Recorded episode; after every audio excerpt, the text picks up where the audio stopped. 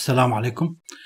نواصل مع مع الفيلسوف نيتشه ونتحدث اليوم عن فلسفة نيتشه الاجتماعية. هناك انتقادات كثيرة من قبل مفكرين للفيلسوف نيتشه. يقولون أن العالم الذي يحيا فيه نيتشه والذي ينفعل به بكل حواسة ومشاعرة هو عالم خالص. من هنا يشعر المرء حسب هؤلاء المفكرين في كل فلسفته وكتاباته الاجتماعية. بأنه تلك الآراء النيتشوية صادرة عن ذهن لا يعيش في العالم المعاصر على, الإطلاق حسب ما يقولون. وإنما يحيا في عالم نظري خالص رغم أن نيتشه يكره كلمة نظري.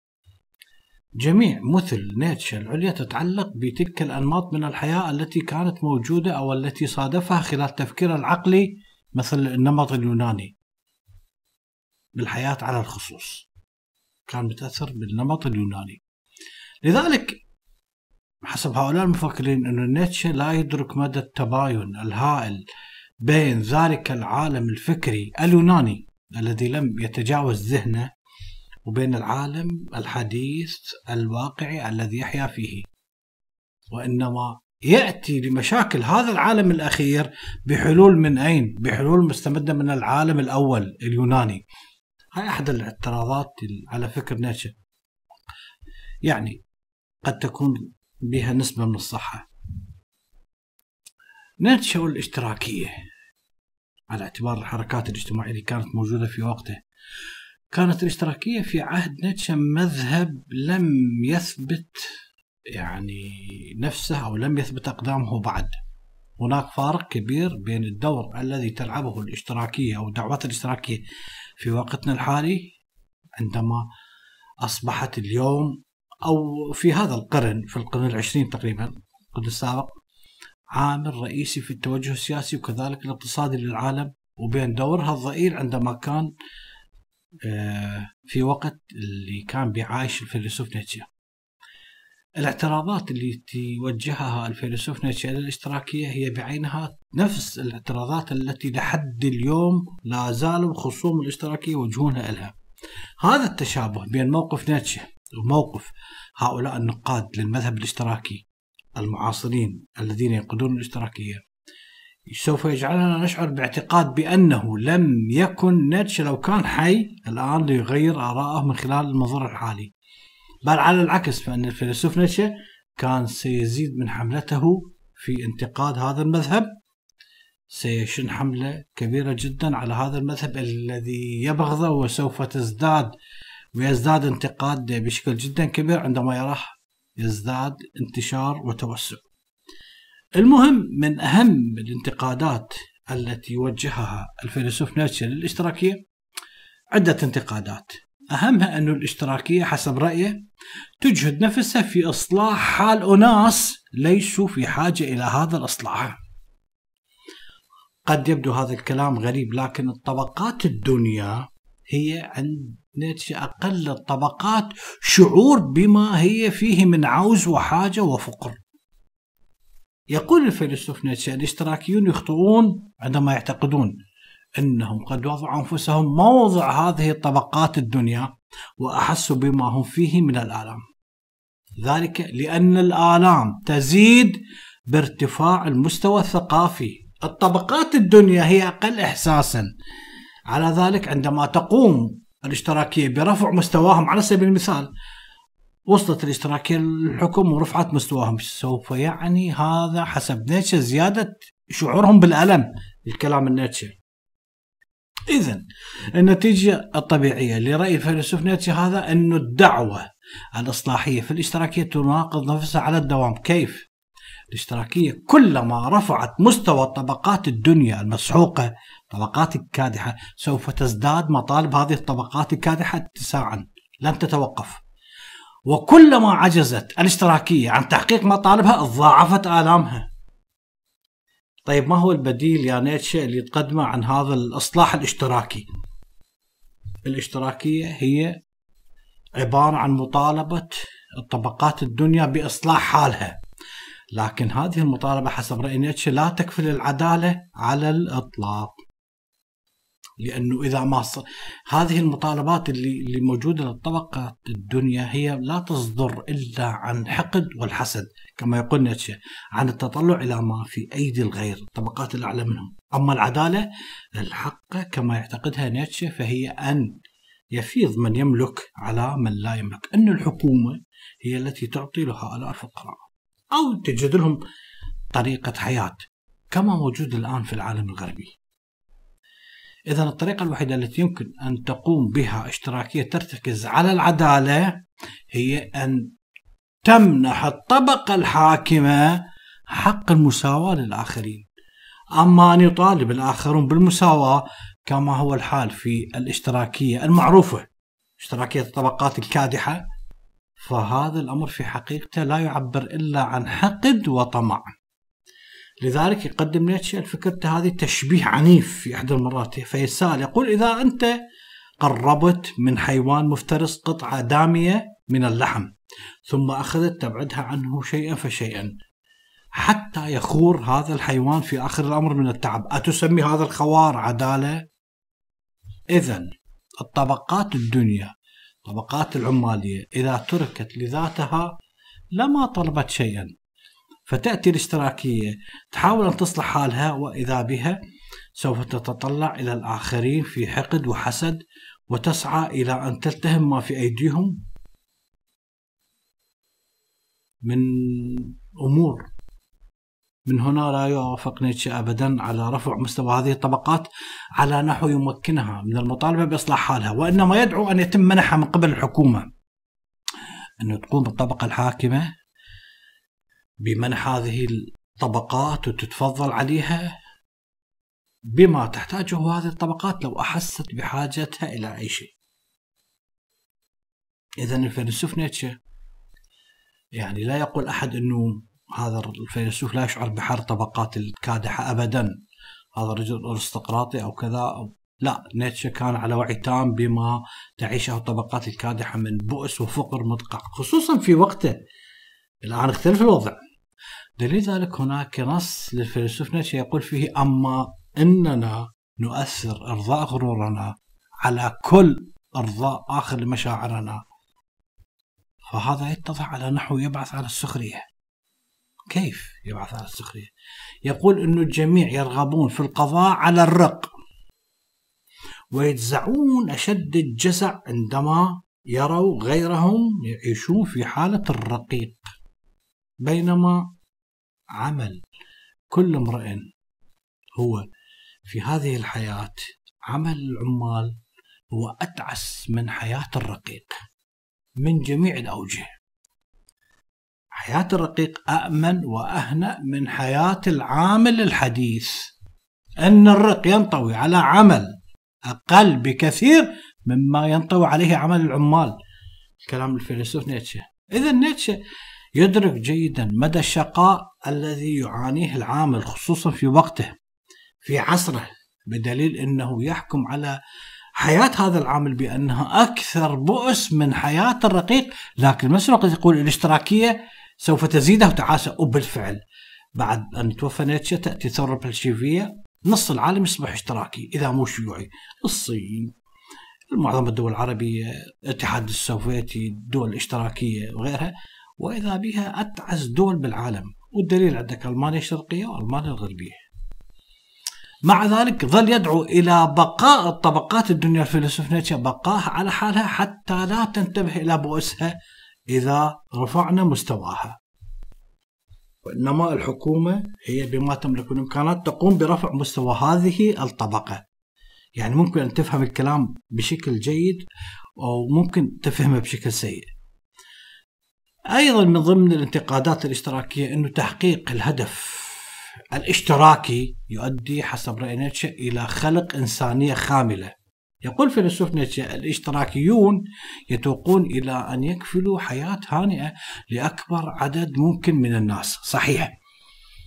طيب إذا تحقق ذلك ما الذي سوف يحدث؟ لنفرض أنه تحقق في دولة فاضلة، المدينة الفاضلة، جمهورية فاضلة، يقول نيتشه سوف يقضى تماما على إنتاج عقول كبيرة؟ هذه الحياة الهانئة هذا العيش الهانئ سوف يقضي على التربة التي تنبت فيها العقول الكبيرة. وكذلك الأفراد العظام في هذا العالم. يعني يقصد أنه تموت الفعالية الزائدة يموت التنافس كما موجود بالرأسمالية. عندما تتحقق الدولة العادلة اللي تريدها الاشتراكية تكون الإنسانية أصبحت أكثر خمول. يعني أنت عندما تكون عامل أو موظف في شركة تابعة للدولة ما يهمك تربح الشركة أو تخسر أنت راتبك رأس الشهر يديك. طيب ليش تتعب نفسك؟ على العكس من عند العالم الرأسمالي اللي كل إنسان يعمل من أجل أن يصل إلى القمة. ممكن يصبح بلحظة واحدة ملياردير أو يتحسن حالة. مارك زاكرنبرغ وغيره اللي أصبحوا أصحاب شركات يملكون مليارات. ناس عباقرة. بينما في الحالة الاشتراكية لن تنجب عبقرية. وبالفعل عندما تلاحظ روسيا قبل الثورة البلشيفية 1917 بوشكين على دوستويفسكي على تورجنيف على جوجول على آه كثيرين كثيرين جدا يعني. أما بعد الثورة البلشيفيه ما تستطيع أن تعد لربما فقط مكسيم غوركي وانتهى الموضوع. لا توجد عبقرية لأن الدولة هي تتكفل لك انت ما مضطر تبدع. اذا حجة الفيلسوف نيتشه تتردد ليس فقط على لسانه بل على لسان الكثيرين الذين يقودون الاشتراكية. مع العلم هو مات قبل تحدث الثورة الشيوعية البلشيفيه من الآراء اللي ممكن تجدها في الفلسفة الاجتماعية المعاصرة في كل وقت هناك رأي الذي يتبناه عدد كبير من الفلاسفة والمفكرين الذين يقولون أن التقدم لا يتحقق إلا عن طريق الحاجة الدائمة إلى إلى أن الإنسان ينهض بنفسه وأن الانسانيه إذا وصلت في يوم من الأيام اذا حد الاكتفاء سوف تغدو خاملة سوف تغدو مدخمة وسوف تفتقر إلى كل حافز من أجل أن تنهض. ماذا بعد؟ الفيلسوف نيتشه أيضا من ضمن الأمور التي ينتقد بها الاشتراكية أنه هذا التفكير الاشتراكي يتملق مشاعر العامة بالفعل. الأحزاب السياسية سواء الدينية أو الاشتراكية تتملق العامة. مهما اختلفت اتجاهاتها هم يخاطبون خطاب شعبوي خطاب يعني مجرد أن يجذبون أصوات بالتالي يحاولون أن يظهرون للعامة هم قادرين على التحكم في أنه في شؤون أنفسهم هؤلاء العامة إذا وصلوا هؤلاء إلى الحكم والنتيجة تكون كارثية. النتيجة لذلك حسب رايه هي أنه تبتعد القمة من الناس العباقرة من الناس الأذكياء من الناس يبتعدون عن مسرح السياسة إرضاء لكبريائهم لأن الحثالات وصلوا للحكم كما موجود الآن في العراق على سبيل المثال. حثالات في البرلمان وفي الوزارة وفي الدولة بأكملها أما العباقرة فهربوا خارج العراق. لذلك هذا الاتجاه إلى تملق العامة هو أمر يعيب نيتشه وبالفعل يعني عندما تأتي إلى الرئيس الأمريكي رقم ثلاثة توماس جيفرسون عندما أراد أن يكتب الدستور الأمريكي لم يتملق العامة. بل أنه بالفعل هو هذا قائد. القائد هو ميزة القائد أنه هو يسير الجمهور خلفه. هؤلاء المتملقين اللي يتحدث عنهم هم يسيرون خلف الجمهور كما يحدث الآن في العراق. السياسيين يسيرون خلف الجمهور. ماذا يريد هذا الجمهور الشعبوي الغبي؟ هم خلفه. بينما القائد هو هو صاحب أفكار والجمهور يصير خلفه. فتوماس جيفرسون عندما أراد أن يكتب الدستور وهذا ذكرتها يمكن خمس مرات ستة ومستعد أذكرها لآخر يوم بحياتي. عندما أراد أن يكتب الدستور الأمريكي الغالبية العظمى من الشعب الأمريكي أراد دستور ديني. لكن توماس جيفرسون خالفهم وكتب دستور علماني هذا الرجل العظيم توماس جيفرسون لو متملق هؤلاء الفقراء البسطاء السطحيين الغالبية العظمى الكثرة الكثيرة الكثيرة لما ستجد أمريكا كما هي اليوم. إذا هذا الرئيس توماس جيفرسون سنة حسنة. عندما أصبح بالفعل قائد وأصبحت الحشود معه لم يتملق أحد. إذا الفلسفة السياسية الحديثة بأسرها يعني في العالم الثالث هي عبارة عن تملق للشعب تملق للحشود وبالتالي لن تحصل لن تحصل على أي شيء. إذا ليس ليست الاشتراكية سوى عبارة عن أهداف جماعية. بينما الهدف الأعلى حسب نيتشه هو خلق إنسان عظيم. خلق أفراد عظام. وبالفعل يعني أنت هسه المانيا تعتقد كل الشعب الألماني عظماء؟ مستحيل. قلهم العظماء اللي نهضوا بألمانيا. ألف ألفين خمسة آلاف هؤلاء فقط من مجموع ملايين. أمريكا أي بلد عظيم اليابان. قلهم العظماء المفكرين العباقرة اللي ينهضون بهذه الأمة. هؤلاء الأفراد العظماء ما ينخلقون عن طريق خطة خمسية اشتراكية شيوعية ما أعرف إيش بل يظهرون بشكل تلقائي. إذا انت دعهم يبدعون ولا تضع تخطيط. بالاخير هذا التخطيط يعني لن يكون أكثر من حبر على على ورق، اذا الاشتراكية مذهب يضع في إيد الجموع، لا مو في إيد الجموع، يضع في إيد الحكومة اللي على أساس تمثل الجموعيه كذب. تضع في إيد الحكومة ما كان متروكا للأفراد من عهد الإغريق إلى حد اليوم. بمعنى أن التنظيم يصبح فيها جماعي لا فردي يقضي على الروح الفردية. سوف تتدخل الدولة في كل صغيرة وكبيرة حتى باللبس. يعني عندك الصين أو عندك حتى الزي اللي يلبسوه اللي هو الرصاصي والنيلي مثلا بالجامعات وكذا. يدخلون بكل شيء. الإنسان يصبح مسخ يصبح الهدف فقط المجموع. يتدخلون بكل شؤون الأفراد يسيطرون على كل المجالات السياسية والثقافية والاجتماعية ويقتلون الاراده الفردية. والحياة الإبداعية تعتمد كلها على الاراده الفردية. هكذا يرى الفيلسوف نيتشه؟ وكذلك كثير من الفلاسفة والمفكرين اللي يسيرون على نفس رأيه إنه مثل هذا التدخل المتزايد للدولة الاشتراكية يقضي على كل أمل في خلق فرد متميز وسوف يصبغ الكل بصبغة واحدة متماثلة متجانسة لا تمايز فيها ولا تنوع. كما ذكرت أنت عندما تعمل في مصنع لشخص راس مالي يجب عليك أن تحقق إنتاج عمل. يجب أن تبدع من أجل أن تحصل على الحوافز عندما تعمل في مؤسسة اشتراكية تابعة للدولة. ما يهمك. إن شاء الله تجهنم المهم رأس الشهر تأخذ مرتب. يقول فيلسوف نيتشه أنه التفرقة يعني مع كل ذلك الفيلسوف نيتشه لاحظ أنه هو هو لا يطعن بالحكومة ولا يطعن كذلك بالطبقات الكادحة. عنده رأي لا جدا رائع. يقول التفرقة بين الحكومة والشعب كما لو كان مثلا مجالين منفصلين من مجالات القوى؟ هذا شيء خاطئ على اعتبار إنه يتعامل أحدهما اللي هو الحكومة هو الأقوى والأرفع يتحد مع الآخر اللي هو الأضعف والأحط اللي هم الطبقات العاملة. هذا خطا يقول هذه التفرقة الت...